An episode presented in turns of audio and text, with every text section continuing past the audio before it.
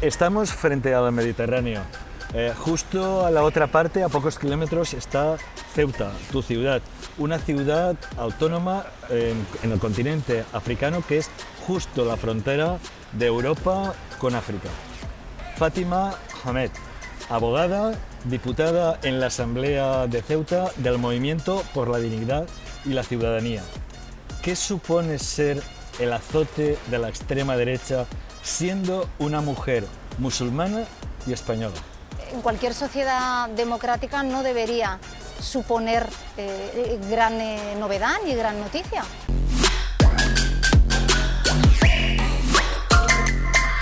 En confiança, amb Joan Baldoví.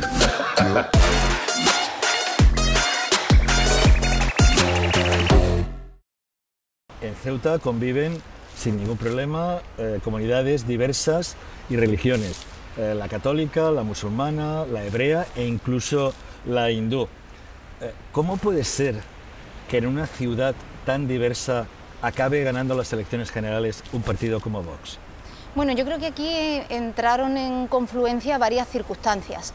Hay que tener en cuenta que en nuestra ciudad el Ejecutivo lo encabeza el Partido Popular desde hace alrededor de 20 años, que tiene muchos decepcionados entre sí y que posiblemente vieron en la ultraderecha una vía de escape o una opción a la hora de elegir. A esto hay que añadirle que eh, el votante tradicionalmente de izquierdas o mucha, gran parte de la población mm, al final desgraciadamente opta por abstenerse y desde luego la única explicación que encontramos, como digo, es esa. Eh, muchos votantes del Partido Popular que por la decepción que tenían con los suyos se fueron a parar a Vox, unido a la alta abstención que siempre ha existido, por desgracia, en nuestra ciudad, que ha hecho que ellos pues aprovechen esa ocasión. Fátima, ¿cómo es la convivencia entre las diferentes comunidades y religiones en una ciudad multicultural, eh, multireligiosa como Ceuta? Pues es, eh, está afortunadamente absolutamente normalizada. Es decir, en, nuestra ciudad no nos distinguimos eh, por el credo que pueda tener cada cual, somos todos ceutíes y ese es eh, nuestra, nuestro principal lazo de unión. Yo siempre digo que nuestra ciudad es como un puzzle en el que encajan todas las piezas y que cuando no existe convivencia existe una coexistencia normal, pacífica, civilizada, como en cualquier otra sociedad, porque todos somos plenamente conscientes de que la libertad de uno termina cuando empieza la libertad del vecino y la libertad del otro. Entonces es una convivencia absolutamente normalizada, como digo, y de la que nos sentimos muy orgullosos los ceutíes. ¿Y puede ser ese eh, un ejemplo para el conflicto cultural, territorial en el Estado español? Bueno, yo creo que cualquier eh, conflicto, mm, la base para resolverlo, para intentarlo por lo menos, tiene que ser siempre el diálogo. Es decir, los, conflictos eh, a, todos los niveles se resuelven a través del diálogo contraponiendo ideas y llegando a puntos comunes. Y en cuanto a lo que es la convivencia y la coexistencia en nuestra ciudad, yo siempre he dicho que eh, Ceuta desde luego es un ejemplo no solo para el resto del país, sino incluso para, el resto del mundo. Observamos evidentemente que a nivel eh, internacional pues hay muchas ciudades que hacen gala de esa interculturalidad, pero a nivel nacional creo que nuestra ciudad junto a la ciudad hermana de Melilla pueden ser un, ejemplo altamente positivo, incidiendo especialmente en eso, en el diálogo y en el llegar a conocernos de tú a tú cuanto más mejor. Efectivamente, conocer es aprender a querer. Siempre. Eh, hace unos días en Murcia asesinaron a una persona musulmana y agredieron a otra persona ecuatoriana al grito de nos quitáis la comida. Eh, ¿Temes que los discursos del odio de la extrema derecha pueden provocar violencia y romper la convivencia entre diferentes culturas?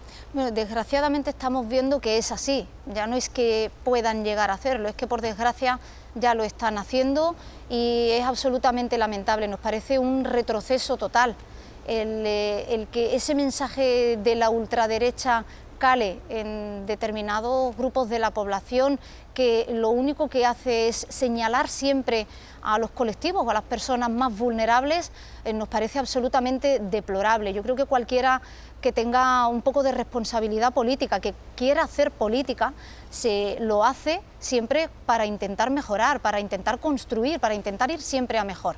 Sin embargo, vemos que la ultraderecha no lo hace así. O sea, su esquema, sus planes no es que la sociedad avance, que la sociedad vaya mejor y que se enriquezca del conocimiento mutuo y diverso, sino todo lo contrario. Buscan cualquier tipo de retroceso, buscan señalar y acusar. Curiosamente, no señalan ni acusan nunca a empresarios explotadores, a personas corruptas como las que ellos eh, han podido tener y tienen también entre sus filas, sino que siempre buscan señalar y acusar a los más débiles. ¿Y qué podemos hacer frente a este discurso de los señoritos y las señoritas fascistas que acaban siempre señalando a la gente más vulnerable? ¿Qué podemos hacer contra este discurso? Bueno, creo que lo esencial es siempre el conocimiento, conocer, leer, dialogar, también es verdad que son verbos que no entran dentro del vocabulario habitual de los fascistas ni de las personas de ultraderecha. Ellos tienen sus eslóganes en sus mentes cuadriculadas y de ahí no salen. De hecho, nosotros lo vemos pleno a pleno como cada vez que rebatimos cualquiera de sus planteamientos con argumentos veraces y objetivos, ellos son absolutamente eh, incapaces de contestarlo simplemente recurren a sus ideas fijas y, continúan intentando machacar por ahí. Pero lo que tenemos que hacer todos los demás, todos los que creemos en la democracia y en la riqueza plural y diversa, como digo, de, nuestro país, es confrontarles siempre desde el argumento, desde la razón impidiendo que eh, salgan eh, reacciones viscerales de nosotros, sino siempre, incluso a ser posible, con una sonrisa. Te has convertido en un blanco eh, de la extrema derecha. Eh, ¿Alguna vez has llegado a sentir miedo? No, miedo no. Eh, miedo afortunadamente no, no, tengo, pero también eso forma parte del carácter muchas veces de la persona. Sí que tengo una gran preocupación por sus mensajes, por, como te decía hace un momento, cómo calan a veces esos mensajes absolutamente xenófobos, absolutamente asquerosos. Eso me preocupa me preocupa lo que quieren hacer de este país, me preocupa en lo que quieren convertirnos, me repugnan, desde luego, y me causan un rechazo absoluto eh, su forma tan maquiavélica de manipular eh, la realidad muchas veces para intentar aprovecharse de ella.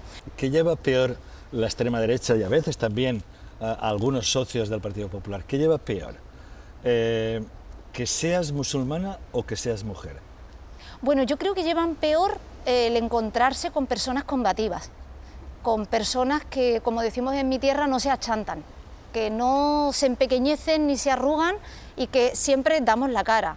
Evidentemente, el ser mujer, pues para cualquier, eh, de, cualquier persona de derechas o de ultraderechas no, no les agrada mucho y cuando eres musulmana, mm, para personas que a veces se rozan tanto la estupidez que se preguntan si eres español o musulmán como si fuera algo incompatible, pues eh, eh, creo que les debe causar una cierta frustración interna aún mayor. Por lo tanto, yo creo que el ser combativo es lo que más les duele, ser combativa en mi caso, y creo que el ser mujer y el ser musulmana tampoco les hace mucha gracia. Y el ser española especialmente.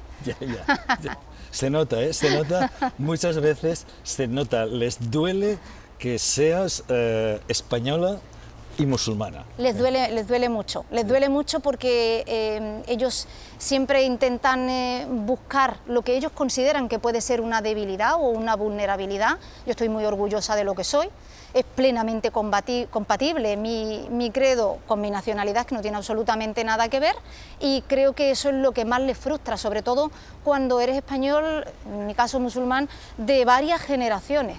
No sé si muchos de ellos, en mi tierra por lo menos, pueden decir lo mismo. Seguramente no. Nueva situación de tensión, la que se ha vivido esta mañana en el Parlamento Ceutí. El motivo, las declaraciones del portavoz de Vox en el Parlamento, Carlos Verdejo, que ha descalificado y ha llamado promarroquíes a algunos diputados. Fátima, te has convertido en la primera mujer musulmana en liderar eh, un grupo político en Ceuta. ¿Entiende y respeta la sociedad española a las mujeres con velo? Bueno, yo creo que eh, estamos eh, avanzando. Las mujeres en general, afortunadamente, estamos eh, dando pasos agigantados, especialmente en el ámbito de la política. Y cuando hablamos de que las mujeres estamos dando pasos agigantados en política, podemos abrir una esfera afortunadamente muy amplia de la que todos y todas estamos plenamente orgullosos. Aún nos queda muchísimo por conseguir, pero estamos avanzando mucho. En cuanto al hecho de ir con velo o no, yo creo que se trata de ese respeto que debe existir intrínsecamente en el ser humano, independientemente pues de dónde viva, ese respeto a la pluralidad que existe en nuestro país. Nosotros, para mí, por lo menos es algo eh, de lo más normal, me es absolutamente indiferente cómo se vista una persona o cómo se apellide, porque me enseñaron a ver a la persona, no eh, a, lo que, a lo que aparentemente existe por fuera, ni a cómo se vista, me es absolutamente eh, indistinto en ese sentido. En cuanto al resto de la sociedad, sí que es verdad que parece que, por fortuna, pues eh, el papel que están jugando especialmente las redes sociales está haciendo que se acerque más esa pluralidad social y cada vez creo que la gente va a ir viéndolo con mayor normalidad. Como mujer musulmana, ¿qué prejuicios y, cuñadismos, permíteme esta palabra, te has encontrado? ¿O cuál es el peor prejuicio así o cuñadismo que te puedas haber encontrado? Bueno, me he encontrado muchos y posiblemente pues eh, me seguiré encontrando unos cuantos. Pero yo creo que el, que el que siempre me ha dejado con la cara descompuesta es cuando en cualquier sitio te preguntan, pero incluso muchas veces de buena fe, ¿eh? Eh, si eres española o eres musulmana. Que tú dices, a ver, ¿de qué estamos hablando? ¿Estamos hablando de nacionalidad o estamos hablando de la creencia que yo pueda tener? Porque no sé si sabes que es perfectamente compatible, o sea, no hay ningún problema en ser español y ser musulmán o ser hindú o ser hebreo o no creer absolutamente en nada o en creer en lo que a ti te dé la gana. Y, eso me hace ver cómo muchas veces eh, posiblemente falte más interlocución, falte más diálogo, más diálogo falte más conocimiento. Del resto de las personas que componen el resto de nuestra sociedad. Pero desde luego el que me sigue dejando con la cara descompuesta es el plantear esa duda entre nacionalidad y credo. Fátima, eh, Eres una mujer musulmana empoderada y estás rompiendo muchos esquemas, tanto para los que desconocen el Islam, pero yo creo que también para los que incluso lo profesan. ¿Qué crees que se ha conseguido y qué crees que aún falta por conseguir? Pues eh, lo voy a relacionar con la pregunta y el planteamiento que hacíamos anteriormente. Yo creo que el empoderamiento de las mujeres a nivel nacional, por fortuna, va increciendo, vamos logrando eh, mejoras, vamos logrando avances, vamos logrando que nuestra voz, nuestra visión, nuestra forma de hacer política se tenga en cuenta y cada vez más, afortunadamente. Y creo que eh, lo que nos queda por conseguir, pues por ejemplo, es algún día tener alguna presidenta del gobierno, que no estaría nada mal, o el ver, eh, por ejemplo, como ocurre en Londres, que el alcalde es eh, musulmán, una sociedad plenamente plural y multicultural, el verlo, empezar a verlo también en nuestras ciudades, nos falta que esa interculturalidad, esa multiculturalidad cale realmente en la sociedad y que eh, avancemos tanto que dejemos de diferenciarnos por en qué cree uno, en qué cree otro, cómo va vestido, cómo va dejado de, vestir. Aquí lo más importante creo que para, cualquier español eh, tiene que ser siempre que sus representantes políticos sean personas honradas, sean personas trabajadoras, sean personas que se dejen la piel en todo lo que hacen, que crean en lo que hacen y que siempre antepongan el interés general a intereses particulares o partidistas. Entren chicos, eh, con esta supuesta inocente frase, los guardias fronterizos marroquíes permitieron hace unas semanas que unas 12.000 personas cruzaran la frontera de Ceuta con Marruecos. Fátima, ¿cómo vivió la población ceutí esos días? Pues eh, la verdad es que vivimos una situación en principio bastante tensa, con bastante desconcierto. Mm, esas primeras horas eh, desde luego no se nos van a olvidar a los ceutíes, creo que todos pasamos esa noche prácticamente sin dormir, con gran preocupación y pendientes de qué se hacía por parte del Gobierno de la Nación. Nosotros creemos que se tardó en actuar, pero bueno, que al menos afortunadamente se actuó. Tardó, es verdad que incido en eso, creo que la respuesta tardó en llegar, pero bueno, por lo menos llegó y eso, eso es muy importante. Y luego la población de mi tierra es gente muy solidaria, es gente tremendamente solidaria. En mi ciudad siempre nos vamos a identificar más con Luna que con cualquier otro tipo de mensaje. Es decir, los ceutíes somos así por naturaleza y cuando vemos a alguien necesitado, evidentemente creo que lo primero que le surge a cualquiera es eh, ayudar. Ahora bien, ¿cuál es el papel de las instituciones dentro de todo esto? No podemos olvidar que nuestra ciudad no está preparada, no tiene las infraestructuras necesarias y suficientes para dar acogida a estas personas, ni a los mayores ni a los menores de edad. Y ahí es donde entra el poner en valor especialmente la solidaridad del resto de autonomías, la solidaridad de todo el Estado español para buscar una solución a, a, esta gran preocupación que tenemos, creo que todos los españoles, pero especialmente en mi pueblo, en Ceuta, la preocupación es diaria, pues porque va pasando el tiempo, ha transcurrido ya eh, más de un mes y no terminamos de visualizar esas soluciones. Son algunos de los miles de migrantes que han cruzado la frontera entre Marruecos y Ceuta a nado. Entre ellos hay 700 menores, incluso bebés. Fátima, ¿es la migración la moneda de cambio de Marruecos para conseguir beneficios financieros y políticos de España y de Europa? Bueno, nosotros creemos que eh, creo que a todos nos ha dado la misma impresión, que se ha utilizado eh, como forma de presión. Ahora bien, creo también que Marruecos tiene otras formas como socio de la Unión Europea para eh, conseguir recursos y conseguir medios. Y tampoco podemos pasar por alto que el problema de la migración también afecta a Marruecos. Es decir, muchas veces hablamos de las personas migrantes de Marruecos hacia el resto de Europa, pero se nos pasa por alto que hay mucha población subsahariana que tiene que atravesar Marruecos, que en muchos casos se queda en Marruecos eh, atascada y que su pretensión es también llegar al resto de la Unión Europea. Por lo tanto, el problema migratorio también afecta a Marruecos. ¿Que se esté utilizando como presión? Nosotros tenemos la sensación de que sí, pero creemos que es precisamente la Unión Europea la que tiene que poner el foco en el problema migratorio. Por la parte que nos toca a Ceuta como frontera sur de España y de Europa, en todo este tiempo hemos tenido una sensación de abandono brutal. Se han hecho muchísimas reivindicaciones y no se han atendido a lo largo de todos estos años.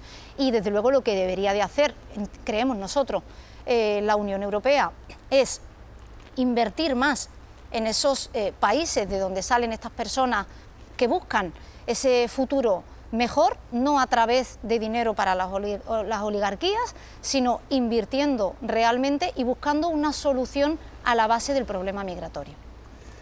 ¿Cómo afecta en el día a día estas tensiones con Marruecos? Bueno, en el, día a día nosotros habitualmente no tenemos eh, sensación de tensión, es decir, nosotros somos vecinos, y, lo habitual era que en nuestra ciudad pues muchísimas personas vayan a Marruecos los fines de semana, bien pues porque tienen relaciones familiares o bien porque tienen segundas viviendas o bien a pasar el día, un día distendido y volver a, a sus domicilios en Ceuta. Por la parte inversa ocurría lo mismo, y es que muchas personas de las poblaciones más cercanas acudían a nuestra ciudad a realizar compras, a trabajar y volvían otra vez a su ciudad. Nosotros no teníamos una, situación de especial tensión, sino que eran relaciones de vecindad. Ahora, evidentemente, la situación en la que estamos, con esa frontera absolutamente cerrada, lo que esperamos y deseamos es que esos mensajes de la ultraderecha y que muchas veces son seguidos también por la derecha no perjudiquen porque desde luego esto tiene también una repercusión económica en nuestra ciudad, no perjudiquen a esas relaciones de buena vecindad que siempre han existido entre ambos países y especialmente entre nuestra ciudad y las ciudades que están cerca.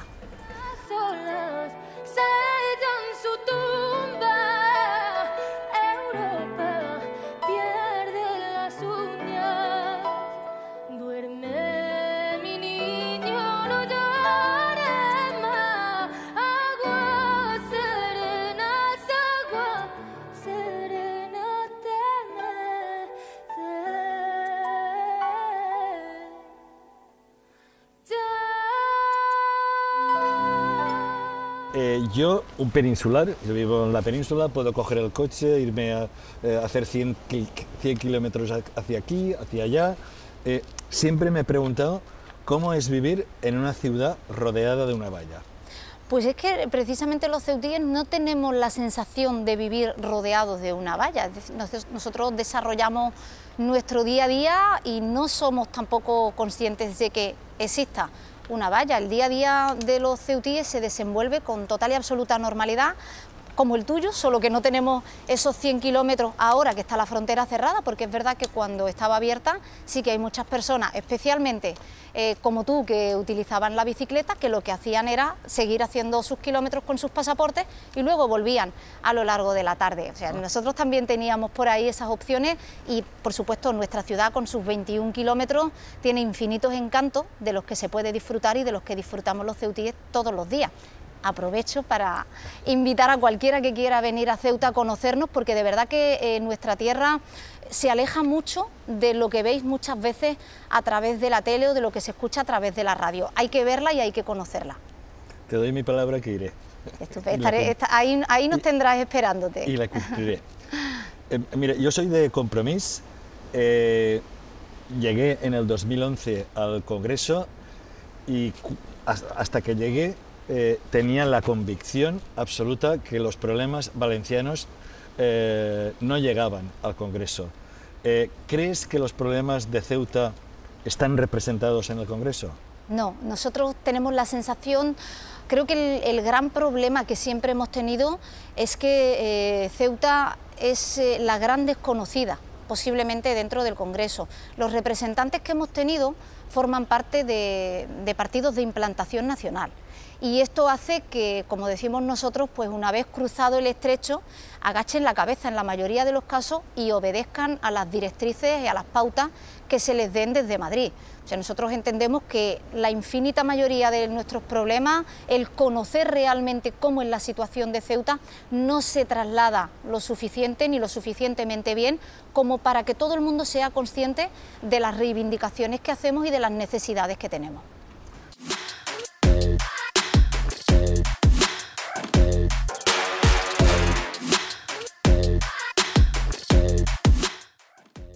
En confianza, ¿qué le dirías a una persona islamófoba? Que lea, que lea, que conozca, que pregunte, que dialogue con personas diferentes. ¿Y qué le dirías al rey de Marruecos?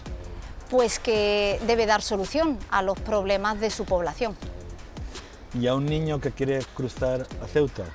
Que no hay mejor sitio que estar con su familia y que luchen por desarrollar sus objetivos y por mejorar su país.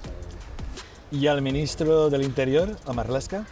Pues que haga todo lo posible para que Ceuta deje de tener una frontera del siglo XIX y tengamos ya una frontera acorde a todas las necesidades del siglo en el que estamos y al hecho de ser frontera sur de España y de Europa. Y por último, al presidente del Gobierno, a Pedro Sánchez. Pues que se lo dije en apenas unos segundos eh, la vez que tuve eh, al conocerlo cuando visitó nuestra ciudad, que no nos abandonen y que no se olviden de Ceuta y de Melilla. Pues muchísimas gracias, Fátima. Ha sido un placer eh, tener este rato de conversación en confianza contigo y esperemos que el futuro nos depare eh, muchos proyectos en los que podamos trabajar juntos, compromiso y vosotros desde Ceuta. Así sea, el placer ha sido mutuo. Muchísimas gracias por este ratito. Gracias.